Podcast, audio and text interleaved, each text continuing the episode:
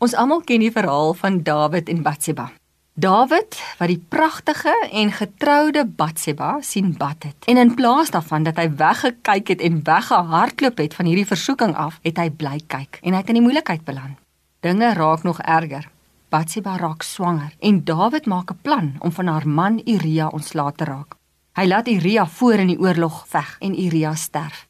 So mense kan amper nie dink dat Dawid, wat in die Bybel 'n man na God se hart genoem word, so iets kon doen nie en dan aangegaan het asof niks gebeur het nie. Tot op 'n dag.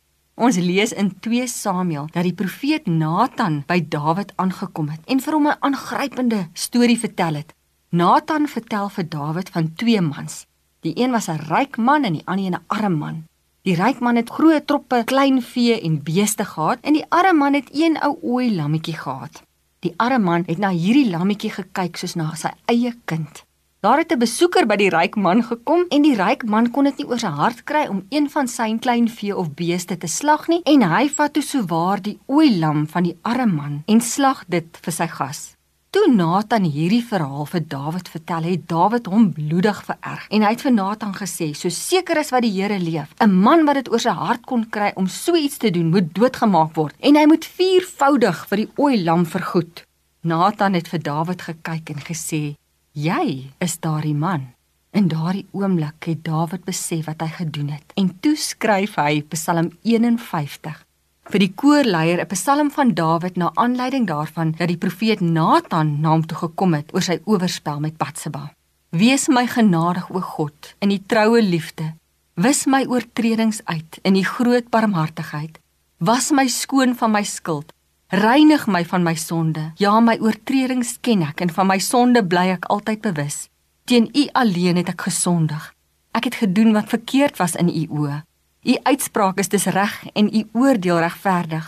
Neem tog my sonde weg dat ek rein kan wees. Was my dat ek witter as sneeu kan wees. Laat my weer blydskap en vreugde beleef. Laat my weer die blydskap ervaar van iemand wat deur u verlos is. Laat my u weer met toewyding dien. In hierdie Psalm sien ons dat Dawid se verlede hom begin opvreet het en dat dit sy vreugde gesteel het. Dat dit 'n muur tussen hom en God gebou het dat dit hom weggedryf het van God en dit is wat dit doen wanneer ons nie ons skuld bely nie. Dit steel ons vreugde. Ja, gaan na God toe.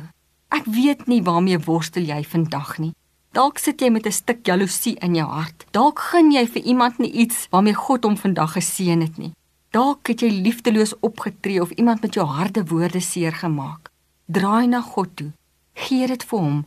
Word vry Hy beloof in sy woord dat as ons na hom toe draai, hy ons skuld vergewe en hy nooit weer daaraan dink nie. Here, gee ons rein harte. Vergewe ons wanneer ons sondig. Ons wil vry wees. Ons wil u vreugde ervaar, Here. Amen.